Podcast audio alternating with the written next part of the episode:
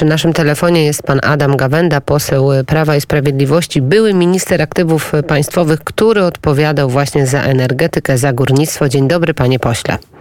Dzień dobry, witam bardzo serdecznie.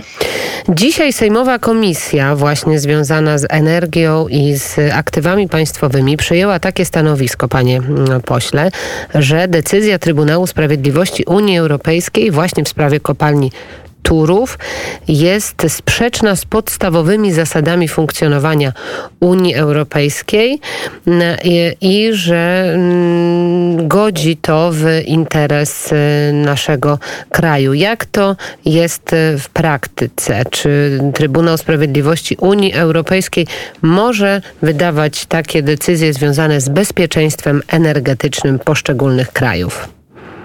No jak widać, y, jedna osoba może decydować o tym, w jaki sposób ma funkcjonować y, bezpieczeństwo nie tylko energetyczne Polski, ale naszego regionu.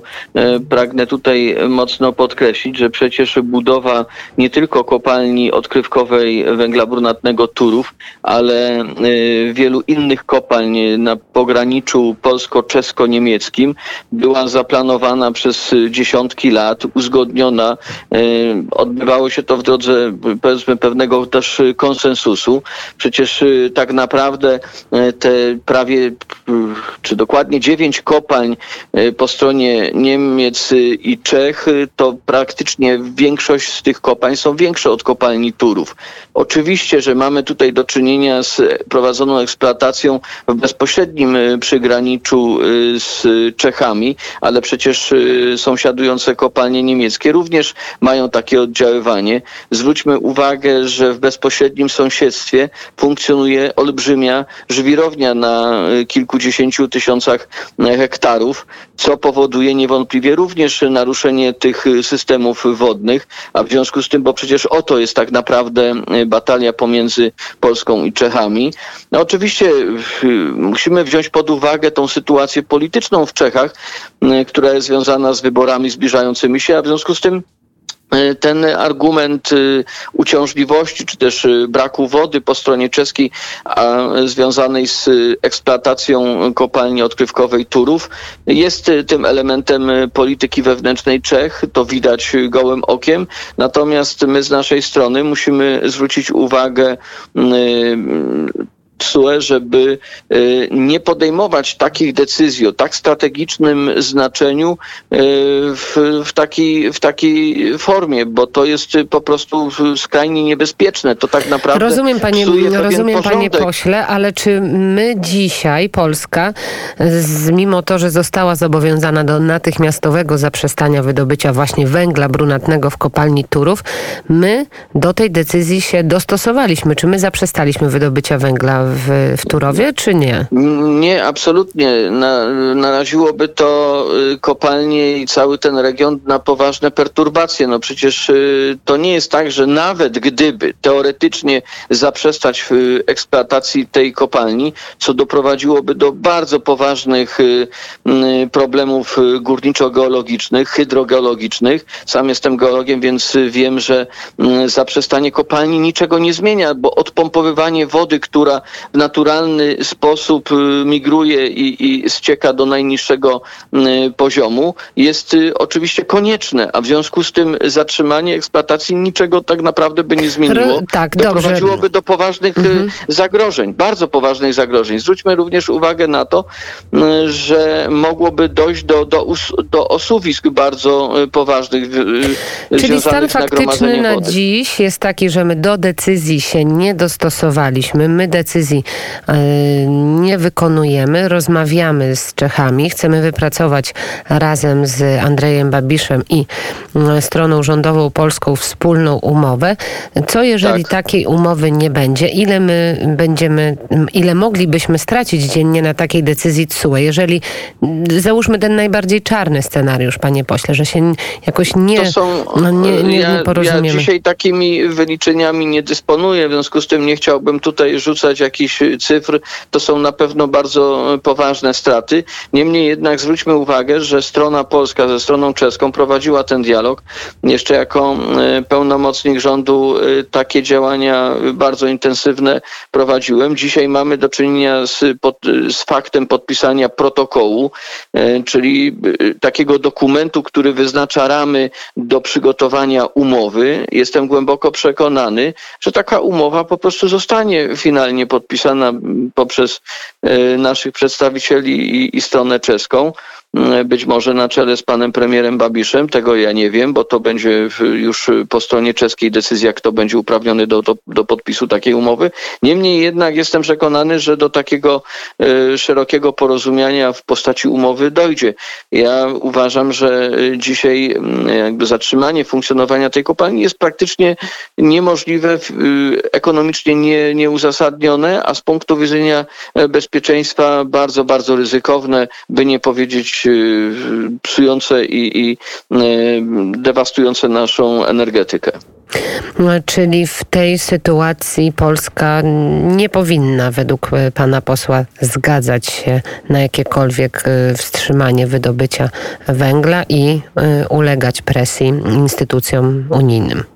Absolutnie nie. No przecież no, zwróćmy uwagę, że bardzo daleko używając takiego kolokwialnego określenia, ulegliśmy e, Komisji Europejskiej wszystkim agendom, bo przecież przyjęliśmy plan transformacji surowcowo-energetycznej, przyjęliśmy e, daleko idącą modernizację sektora e, energetycznego opartego o paliwa kopalne i odchodzenie od węgla. Zaplanowaliśmy i podpisana jest umowa społeczna, parafowana, będzie podpisana lada dzień umowa społeczna, która jakby określa czas realizacji tego olbrzymie, olbrzymiego projektu mm, transformacji y, górniczo-energetycznej, a w związku z tym wszystkie te kryteria my spełniamy. My nie możemy dzisiaj się poddać presji jednej osoby, która jednym y, podpisem no, decyduje o, o przyszłości e, gospodarczej i energetycznej e, dużego kraju europejskiego. No to jest jakieś e, no, dla mnie zupełnie niezrozumiałe.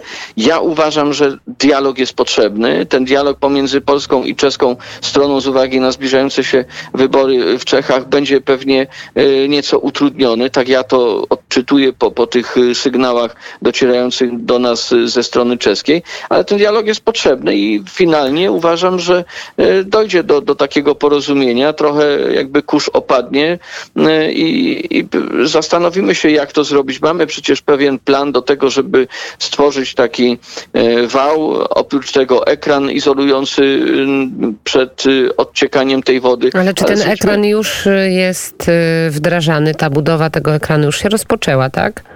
Tak, tak. I to jest y, zadanie, które jest po, po, naszej stronie, więc my tutaj jakby y, wiele takich inicjatyw podejmujemy. Jest przewidziany również budżet na te zadania. W związku z tym y, z mojej perspektywy uważam, że te działania, które są podejmowane i które będą podejmowane, muszą doprowadzić do, do konsensusu i do, do porozumienia. Ono będzie korzystne z punktu widzenia naszej współpracy i dobrych relacji sąsiedzkich bo o takie nam bardzo, na takich nam bardzo zależy, no to będzie pewien e, też kompromis i, i uważam, że Czechom też zależy na tym, żeby z Polską utrzymywać dobre relacje, więc myślę, że takie porozumienie jest możliwe, ono nastąpi. Ale oczywiście zarzuty ze strony czeskiej są takie, że wielokrotnie monitorowali oni, monitorowali i wielokrotnie informowali stronę polską o tych zagrożeniach, a jednak nie było adekwatnej reakcji ze strony polskiej, że my to bagatelizowaliśmy i jednak nie zwracaliśmy tak dużej uwagi na zarzuty i uwagi ze strony czeskiej. E, dzisiaj e, informacje przedstawiał i na posiedzeniu Komisji Senackiej, którą wsłuchiwałem się, i na posiedzeniu Komisji Sejmowej zarówno e, pan minister Artur Soboń, jak również pan minister Piotr Dziadzio, wielokrotnie podkreślając to, że ten dialog się odbywał, że wielokrotnie strona czeska była zapraszana. No i tak na, się na odbywał, spotkanie. odbywał, że aż wylądowało to w Trybunale Sprawiedliwości Unii Europejskiej, panie pośle.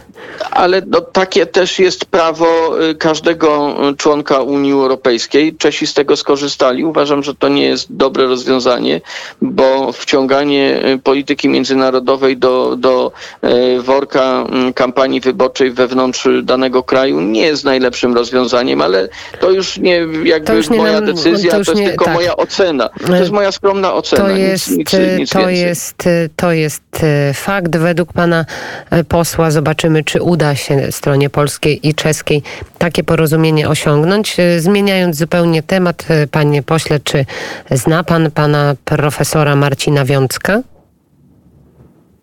Wiącka? Tak.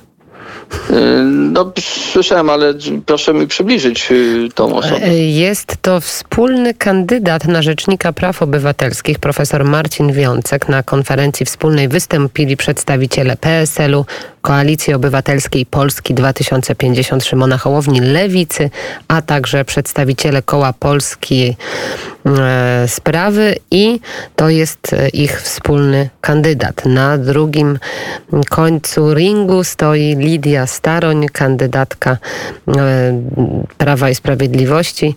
Jak pan myśli, dojdzie w końcu do tego konsensusu?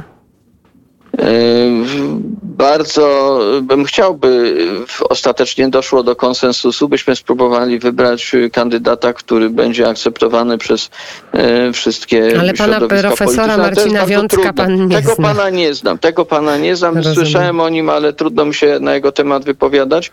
E, niemniej powiem tak, że, że no, Myślę, że y, ostatni nasz kandydat y, był kandydatem, który no, mógł y, w jakiś sposób przechylić szale na rzecz jego wyboru. No tak się nie stało. Senat odrzucił tą kandydaturę. Mm, pana doktora Wróblewskiego, no, nad czym ubolewam, no, trzeba po prostu poszukać w tej chwili kandydata, który no, będzie w stanie jakby szerzej y, pozyskać akceptację również tej części Senatu, y, która no, na każdy nasz głos z dużym y, respektem, albo może nie tyle respektem, ale z olbrzymią rezerwą podchodzi.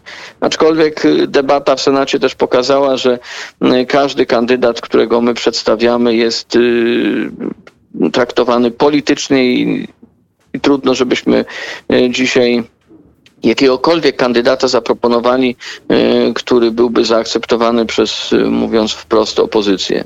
I na koniec, jak pan przyjął informację na temat tego, że Joe Biden i administracja nowego prezydenta nie będzie nakładała żadnych sankcji na firmy budujące Nord Stream 2, co to oznacza dla Polski? Chyba już musimy się pogodzić, że jednak ten projekt zostanie ukończony.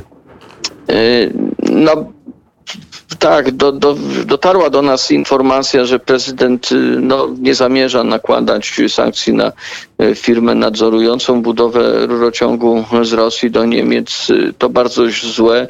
W ogóle sam pomysł i akceptacja tego dużego, olbrzymiego projektu, który polaryzuje, czy, czy wręcz dzieli Europę, który jest traktowany jako prywatne przedsiębiorstwo i prywatną inicjatywę gospodarczą, a przecież doskonale wiemy, że tak duże inwestycje nigdy nie będą E, tylko jakimiś prywatnymi inicjatywami biznesowymi, ale to jest e, rurociąg, który e, bardzo mocno nas uzależni. Spowoduje, że Rosjanie wejdą jak przysłowiowy koń trojański do Europy. Mówiąc wprost, to jest bardzo szkodliwy pomysł i jego akceptacja przez największe najsilniejsze państwo Unii Europejskiej przez Niemcy no, doprowadza do tego, że, że cała Europa w tej chwili się polaryzuje. Europa Środkowo-Wschodnia na tym najbardziej ucierpi. I to nie jest y, dobra informacja, bo wierzyłem w to, że administracja Joe'a y, Bidena, y, prezydenta Stanów Zjednoczonych, no, w jakiś sposób bardziej konkretny i, i zdecydowany sprzeciwi się budowie i zakończeniu tego rurociągu na e, wieże się skończyło. E, no niestety, trzeba to przyznać, że niestety. Dziękuję bardzo za ten głos. Pan Adam Gawenda, były minister, wiceminister aktywów państwowych, e, poseł Prawa i Sprawiedliwości. Dziękuję za rozmowę. Dziękuję bardzo, pozdrawiam serdecznie.